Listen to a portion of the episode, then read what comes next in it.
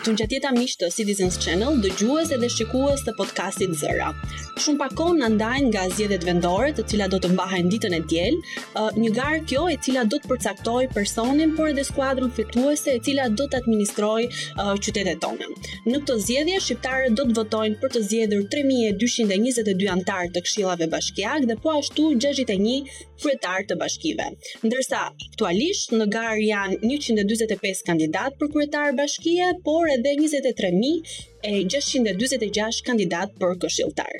Nga këta të fundit, dy garojnë të pavarur. Këtu e kam fjalën për Soraldo Nebo, i cili uh, kandidon për këshilltar në Bashkinë e Sarandës dhe po ashtu për Fatjon Biba, i cili kandidon uh, si i pavarur në Bashkinë e Rrogozhinës.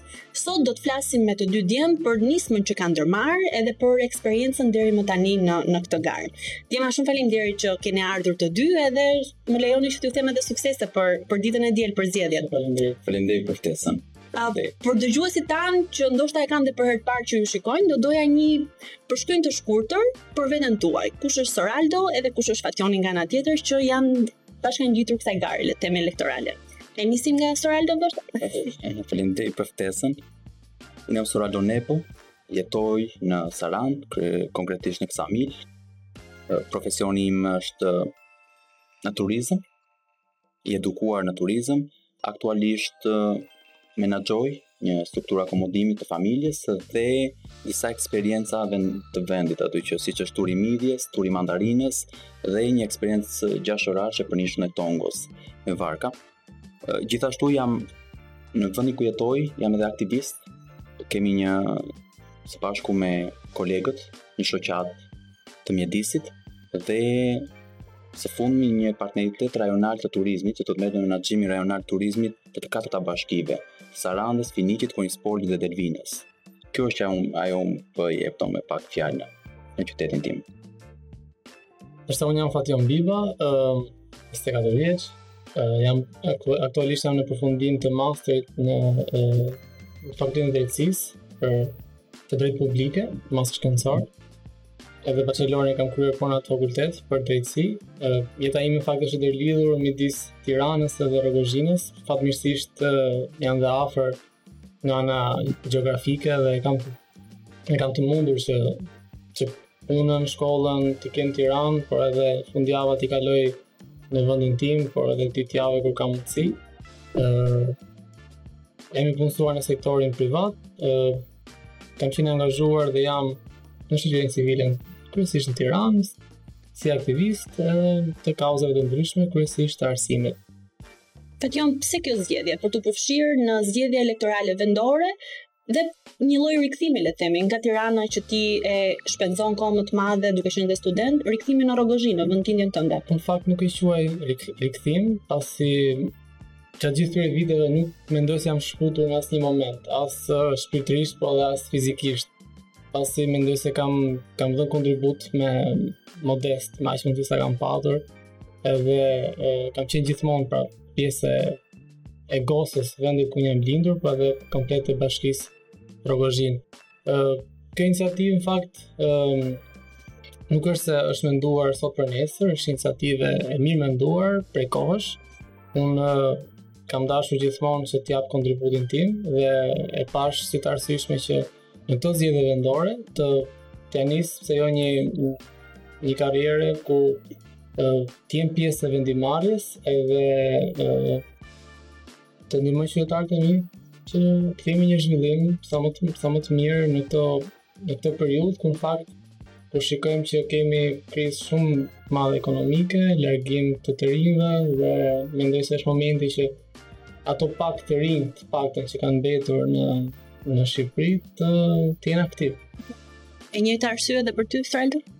Ëh, Vendimmarrja për të kandiduar në këshill bashkiak vjen vetëm prej prej vështirësisë së hasur për të arritur qëndrueshmëri në ato iniciativa që ne kishim nisur me me kolegët dhe duke parë që çështje shumë shumë të nevojshme si pastrimi në në Sarandë kryesisht konkretisht në Ksamil është më i theksuar ky problem me rritjen e turizmit është rritur edhe sfida për të menaxhuar në mënyrën e duhur mbetjet.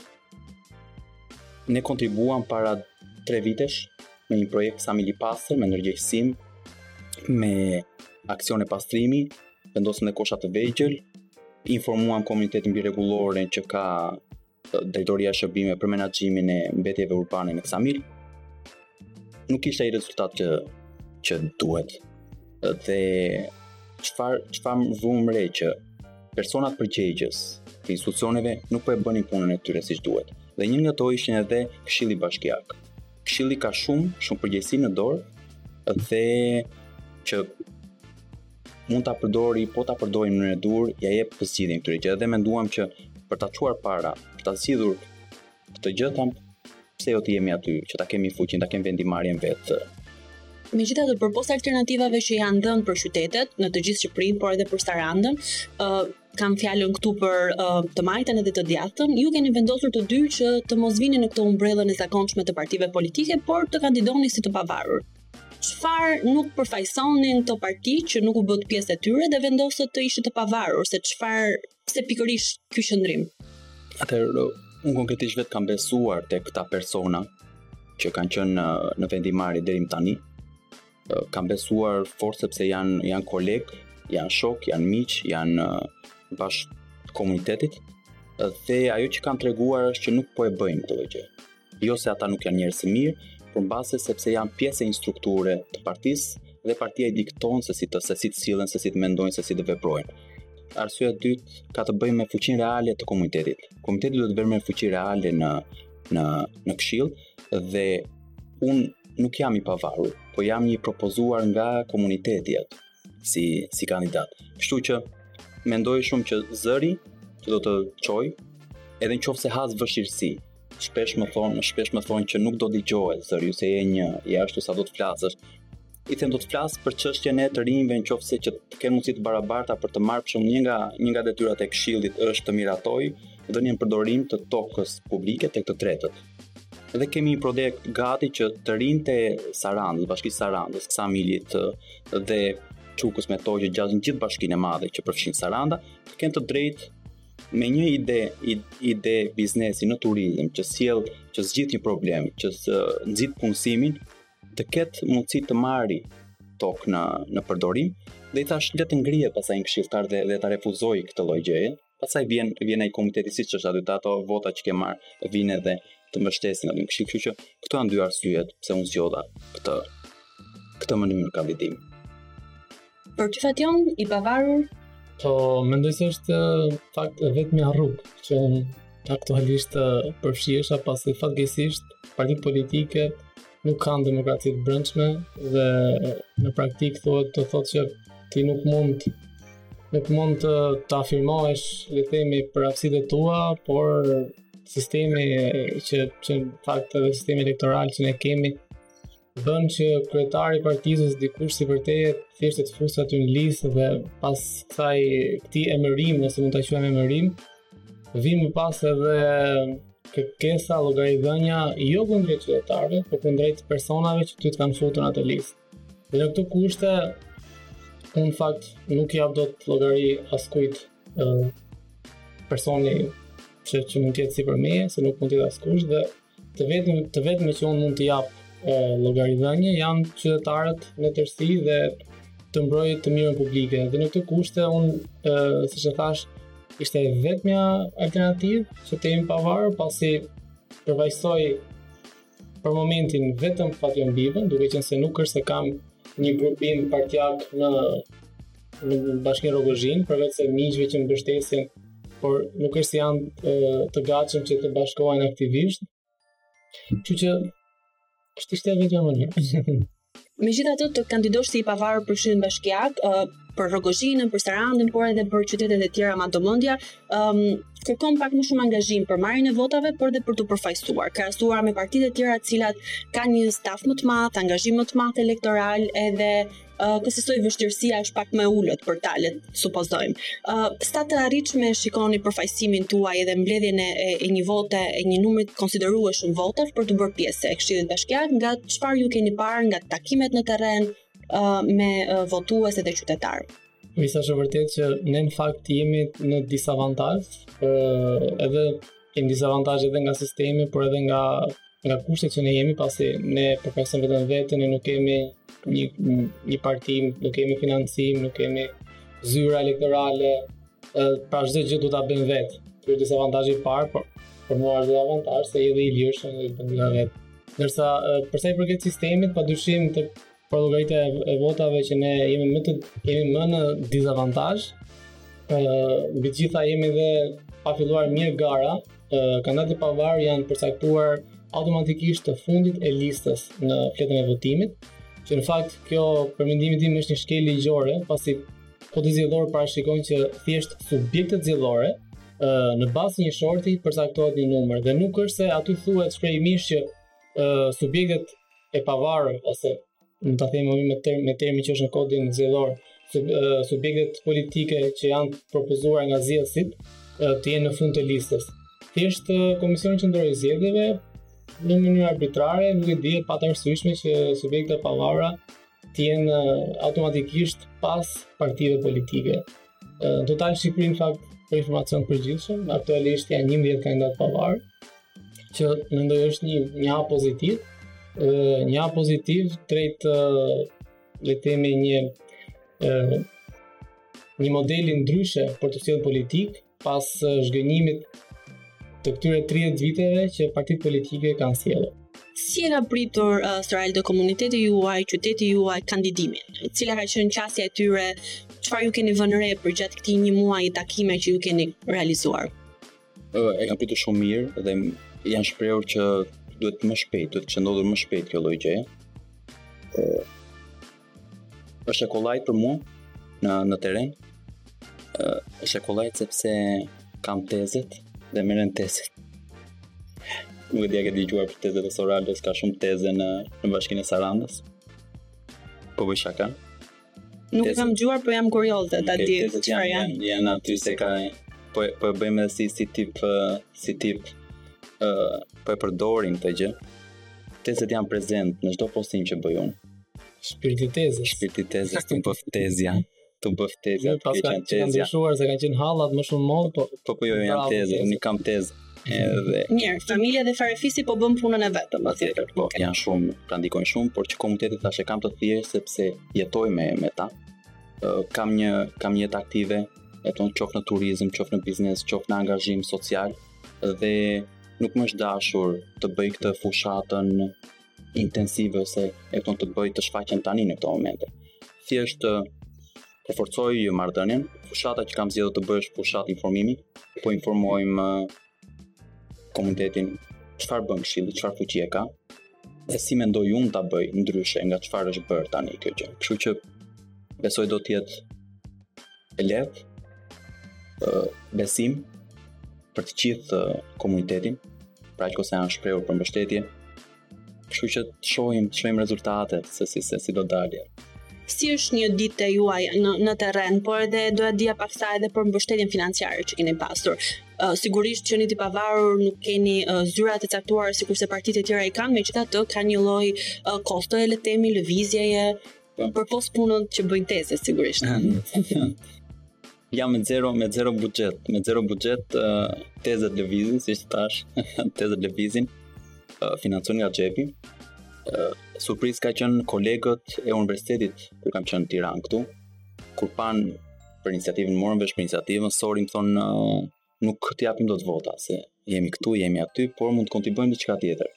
Kështu që kemi dëshirë për këtë dhe ata po kontribuojnë për për fushatën, pak para, por janë mjaftueshëm për të bërë ato ato lëvizjet e duhura, për të bërë edhe ca projekte që ne i kishim lënë për arsye të mungesës së parave aty në komunitet, që janë në vlerësim të individit dhe konkretisht po bëjmë një botim libri të një kapiteni që kemi në zonë, një karakteri shumë të shumë të zëshëm, ai është edhe poet, shkruan poezi, dhe i kemi mbaruar librin me ato para që kolegët shokët vendosën në dispozicion për fushatë. Për ty Fatjon një ditë uh, fushate si nis dhe si mbyllet?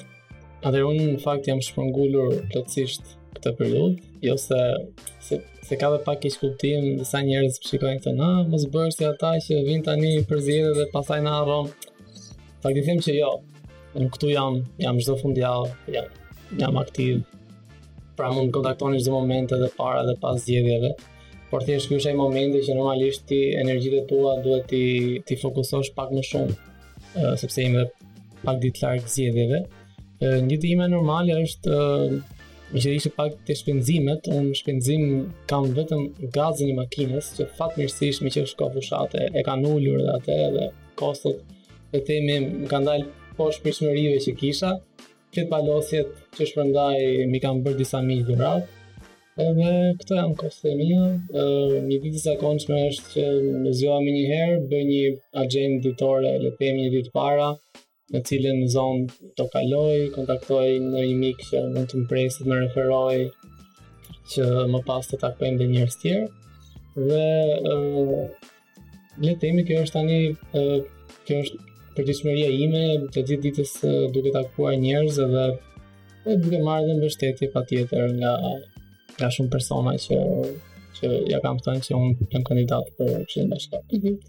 keni një target group të caktuar që e keni si synim apo të cilit i drejtoheni apo keni një retorikë të caktuar politike që e ndani me uh, qytetarët që ju takoni sigurisht uh, këto gjëra i takojnë më së shumti kandidatit që kryeson um, për kandidatit për kryetar bashkie patjetër megjithatë një lloj qasjeje se çfarë të re do sillni Patjetër ajo çka unë tek target grupi në fakt unë edhe e njoh zonën, pra është një komunitet i vogël që ti do s'do e di pak a shumë, ia di ndoshta edhe bindjet politike, por unë në fakt nuk kam le të themi paragjykuar askënd. Këdo që kam njohur dhe këdo që nuk kam njohur, e kam takuar, i kam treguar kush jam. Ëh, patjetër jo kushdo ta treguar e hapur për të mbështetur, dikush ka thënë ta mendoj, dikush ka thënë jo, sepse kam dikë tjetër që do e mbështes. Sepse fatkeqësisht uh, unë këto zgjedhje kuptova që shumë njerëz e konsiderojnë votën çështje nderi. Pra, pra unë do ia jap uh, filanit se do ia bëj nder. Dërgo pa dashur të paragjykoj, po filani është 75 vjeç. Do të thënë A nuk duhen të shuhen pra këto gjëra sepse në koncept kjo nuk është një nder që ti do t'i bësh dikujt, por është një nder që do t'i bësh vetes. Pra, kush është ai kandidat? Ai kandidat që mendoni se do t'ju shërbejë 4 vjet.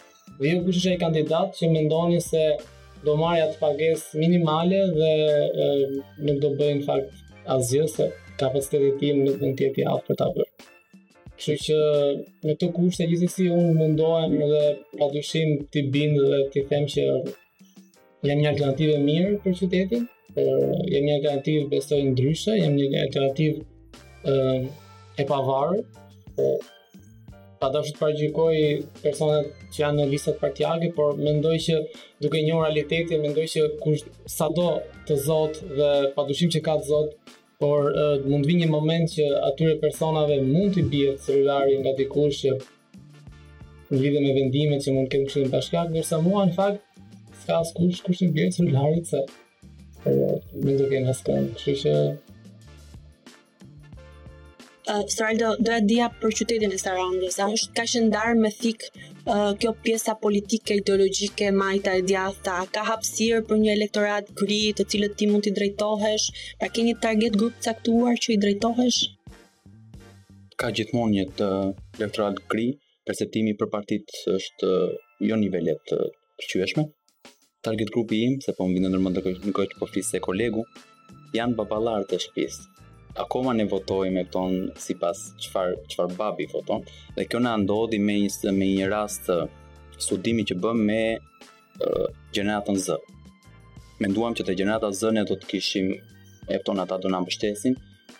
ata ishin më të tërhequrit.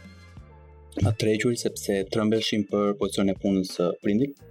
Dhe ajo që këshilluam dhe thamë që po, situata nuk nuk qenka fort mirë dhe që diskutuam me grupin e këtyre të rinjve që ne i kemi pjesë të iniciativa, thamë që të çlironi veten dhe të jeni të pavarur në mënyrën se si votoni, se si mendoni, duhet të çlironi prindin dhe prindërit çlirohen duke krijuar ato të ardhura që ia jep sot një punë një institucion, duhet t'ia krijoni ju.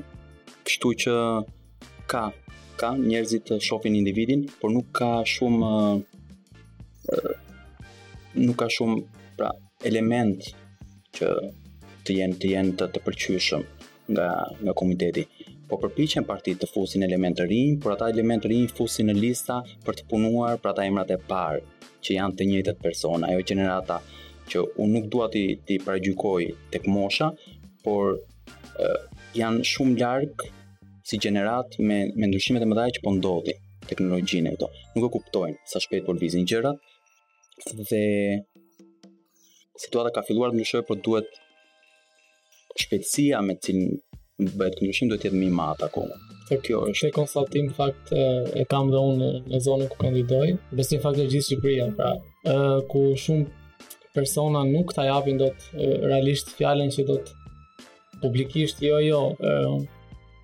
Fushata që ne bëjmë në fakt është pak guerile, pra nuk nuk është se duhet tu' thënë të merremi vesh personave i themi që ok, më voto beso por në retorikën publike, ti mund t'i thuash kujtdo që mbështet se fund fundit uh, Realiteti është që shumë persona i rrezikohet edhe vendi i punës, edhe nëse mbështesin kandidatë të pavarur. Madje madje unë zbulova një problematikë tjetër që s'e kisha menduar që ekzistonte, ku në disa zona, pra nëse marrim një fshat ku ka vetëm një kuti votimi dhe në atë fshat ë që partitë politike bëjnë kalkulimet e tyre se kush ë uh, se sa vota do marrin. Dhe nëse çedojnë tek marrja e votave, përgjegjësia bie tek këta persona që janë në këtë lagje dhe uh, janë në vend pune dhe rrezikojnë. Kështu që Dhe kjo është një problematikë nga ana teknike, nuk e di nëse mund të zgjidhet, po kam përshtypje që kjo i, i, i vlen partive politike që të bëjnë kalkulimet e tyre, por që këtu qytetarët nuk votojnë dot të lirë. Nuk votojnë dot të lirë sepse e dinë që vota e tyre edhe pse është e fshehtë aty, por në fund te kalkulimet mund të përllogaritet se për çka ata kanë votuar. Kështu që në këto kushte kemi vështirësi, ë përgjithësisht te njerëzit që kam takuar ka një një një revoltë, një mllef për situatën e krijuar gjatë këtyre 30 viteve, por shoh që fatkeqësisht shumë njerëz ndihen të pafuqishëm edhe le të themi janë dorëzuar këtij sistemi dhe thjesht të mbështesin nën zë, të thonë ok, ti vazhdo, po Duhet, duhet pak më shumë, duhet pak më shumë reagim. Dhe drama më e madhe, meqë po flasim për gjëra negative, drama më e madhe që mua personalisht po më prek jashtëzakonisht shumë, dhe duke qenë se po e prek terrenin shumë nga afër, është shpopullimi masiv që që, që po has. Ë në çdo fshat, në çdo vend që takoj, biseda e parë është nuk ka Nuk ka më njerëz, nuk ka më të rinj, të rinj jo, jo pas, nuk ka më as as njerëz që punojnë, nuk ka, nuk ka dhe kjo, dhe kjo besoj është një disavantazh shumë i madh, sepse ë uh, ato pak persona që mund të jenë në një farë mënyre i janë dorëzuar këtij sistemi dhe ë uh, do ruajnë vendin e punës, do ruajnë kushëririn, mikun dhe nuk e di, shpresoj, shpresoj të kemi dyshim, por qasja është pozitive. Qasja është pozitive pasi janë realisht lodhur nga partitë politike. Megjithatë Fatjon këta që ta persona qytetarë që kanë mbetur në në bashkinë Rrogozhinë, do të zgjedhim 22 anëtarë të këshillit të këshillit bashkiak. Ë uh, nëse një prej tyre do të jeni ju, ë um, për ata që kanë mbetur, çfarë lloj shprese të reje do të sillni si si anëtar i këshillit? Unë në këshillin bashkiak ë uh, e kur kur më pyesin pak se ore po na bëj një premtim, me thënë që është premtime të mëdha nuk bëj dot. Premtimet e mia janë janë uh, ndoshta pak teorike, por janë premtime që un uh, do të ushtroj detyrën e këshilltarit bashkiak uh, në mënyrë të ndershme, me integritet, me dinjitet. Këto ndjeqim me këto fjalë në fakt është abuzuar shumë gjatë këtyre 30 viteve dhe kur ja them këto i kanë a se sa na kanë thënë këto fjalë po mendoj që koha do të jetë ajo garantimi që në fakt realisht iniciativa ime nuk është nuk është momentale nuk është TCK, meqë kemi të shprehurën për të kap një gjë, është një, një reagim i ndjerë i një të riu që në fakt dëshiron që të ardhmen ta ndërtojë në vendin e tij dhe nuk, nuk dëshiron të largohet. Dhe don të japi kontributin e tij dhe po merr një iniciativë që të jetë një zë në vendimë. Ndërsa për Këshillin Bashkiak të Sarandës uh, votohet për 32 anëtarë, në mos gaboj. Ëm, uh, çfarë sjell të re Soraldo aty? Uh, të gjitha këto gjërat që un po bëj aktualisht, aty do të jetë më fuqishëm zëri. Tash për vazhdimësinë, do të kemi festën e midjes të vazhdueshme, do të kemi lojrat e rërës të vazhdueshme, do të do të informoj komunitetin deri tani 4 vite kemi pas problemin të marrim informacion çfarë bën këshilli, si e bën, si çfarë vendimarrje ka marrë, te taksa tarifat vendore që këshilli i miraton çdo të ri e përmenda edhe që parë që do të marrë iniciativë të hapi një biznes të ri në qytetin e Sarandës, në Ksamil, pse jo që dy vitet e para të jetë përjashtuar nga tarifat vendore. Kjo do të jetë një ndihmë e madhe, unë e kam përjetuar vetë kur hapa për herë të parë biznes, sa të nevojshme e kisha sepse kisha investimin me me kredi, sa të nevojshme kisha të mbështetesha. E them, që të mos më vinin ato dy vitet e para. Edhe kjo do jetë një veprim i mençur për institucionin e bashkisë nëse do e kuptojë që këtë biznes të ri, në qoftë se ti i vete dy vitet e para dhe i merr ato tarifa dhe i dështon ato më pas, ti nuk ke marrë asgjë, por në qoftë se ndihmon dy vite dhe i merr një jetë të tërë pastaj taksa, ti e ke arrit qëllimin edhe vetë ke grumbulluar më shumë taksa, Këto të, këto janë gjërat që unë do t'i vihem nga pas dhe do të ketë rezultat. Do të ketë uh, diskutim të shëndetshëm, debat mirë, do të ketë bashkëpunim, kërkesë për bashkëpunim me të gjithë. Nuk jam në një një luftë aty, jam vetëm për të arritur, të për të arritur uh, vazhdimësinë e gjërave që unë bëj aktualisht.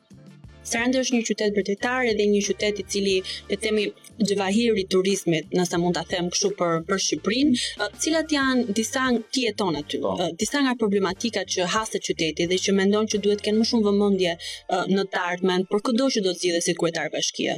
Ë teatri i diellit i themi Sarandës, duke qenë pozicioni që ka, dhe duke qenë se kemi 300 ditë me diell, ë problematika që ne kemi kemi filluar t'i adresojmë aktualisht është sezoni i shkurtër turistik, ë punësimi që kemi kemi një shërbim jo në nivelin që ne duam, unë personalisht dua, ë agresiviteti i lartë që që po përballet natyra e e Sarandës, kryesisht plazhet e Ksamilit, me rritjen e kërkesës për këto destinacione rritet edhe agresiviteti ndaj mjedisit. Duke hapur plazhe të reja, ë uh, janë janë problematika që ndikojnë për të ardhmen e turizmit të Sarandës. Po punojmë aktualisht me partneritetin të thashë Visit Saranda që përfshin edhe bashkitë e tjera, Për të rritur sezonin turistik, Saranda do të ndihmojë bashkinë e Konispolit, Finiq, Delvinës me pak turizëm nga fluksi i vet, kurse bashkia e Konispolit, Finiq dhe Delvinës do ta ndihmojë Sarandën të ketë turizëm në dimër. Të, të bëjmë eksperiencën e mandarinave, Konispol, festën e mandarinave, të bëjmë agroturizmin në Delvinë me bimët medicinale, me fermat e gomaricave që është unike në rajon aty, Finiqi prapë me kulturën greke, një tokë dy kultura, dhe me historinë e pasur që kanë, kështu që së bashku të ndihmojmë njëra tjetrën dhe në qoftë se arrijmë që të kemi një sezon më të gjatë turistik, do të zgjidhim edhe çështjen e punësimit që nuk do të jenë më punonjës sezonalë, por do të jenë punonjës gjithë vitin dhe ata nuk do të kërkojnë të ikin, por do të rrinë do të jetojnë në Sarandë. Se ka problematika të tjera që janë më shumë që do të jenë diskutim por janë dhe përgjegjësi e ekzekutivit për të diskutuar, por në këshill këto janë edhe konkretisht unë si i ri aktivist në në turizëm, kemi nisur t'i bëjmë bashkë me kolegë me me biznesin, edhe që nuk po. Sa që po. Ndërsa për Rrogozhinën, cilat janë disa nga problematikat që ti dhe ndoshta i ke hasur në në takime të herëpashershme këtë muaj për shkak të fushatës? Unë kam një konstatim që në këto 30 vite ë është është thënë vetëm rrugë, ujë që në fakt duhet të ishin bërë edhe edhe pra ndërkohë që ne duhet sot duhet të ishim duke folur se si të mbështesim biznesin, se si të kthejmë rininë, ne sot flasim akoma për për infrastrukturë dhe fatkeqësisht ajo çka mua më më dhemb është edhe nga nga bisedat që bëj shpesh është Fokusi kryesor i qytetarëve është infrastruktura ende. Për bujqësinë pa dyshim është mbështetja e tyre, pasi Rrogozhina është një bashki që ka mjaft të zhvilluar bujqësinë, edhe pa dyshim nëse nuk nuk pastrohen kanalet vaditëse, nuk mbështeten nga bashkia, ata ata ata kanë kanë një ngërç edhe le të themi këto janë kryesisht janë janë në kërkesa në aspektin e infrastrukturës ku siç e thashë unë do doja që sot ne të flisnim për problematika të tjera që mendoj janë shumë më të mëdha pra kur ndërkohë trenin për infrastrukturën ne s'e kemi kapur dot po po na ikën dhe dhe gjërat e tjera Ëh, padyshim që bujqësia do të jetë në në fokusin tim. Pra, mbështetja e, e fermerëve, turizmi, Bashkia Rrogozhinë ka 23 metra vijë bregdetare, ka një fshat fantastik si e, Bashtova që ka kështjellë, ka det, e, ka lumë, ka pyll, edhe e, mbështetja për turizmin e, do të jetë pa dyshim në fokusin tim. dhe që të mos ngelim vetëm në infrastrukturë, unë do doja shumë që të jem një zë i fortë për zhvillimin e aktiviteteve kulturore, pasi Rrogozhina ka uh, një një jetë kulturore realisht shumë të vakët, mbështetjen e të rinjve, e një uh, qendër rinore, pse jo, uh, kështu që Fatkeqësisht e thashë që duhet të përshtatemi pak me çfarë qytetarët kërkojnë, që të mos shkojmë në në ide që ndoshta duhet të jenë për t'u zhvilluar, por që realiteti nuk na lejon. Fation, Geraldo, shumë faleminderit për kohën, edhe shpresoj shumë që pas të dielës t'ju shoh në në këshillat bashkiake. të qyteteve tuaja. Faleminderit shumë. Dhe i bëjmë thirrje votuesve që të votojnë të lirë dhe të pandikuar. Dhe le t'i vlerësojnë uh, realisht kandidatët që kanë dhe t'i peshojnë mirë gjërat para se të votojnë ditën e diel. Faleminderit. Uh, për të gjithë dëgjuesit dhe shikuesit e podcastit Zëra, ne na gjeni në YouTube, në Google Podcast dhe po ashtu në Spotify.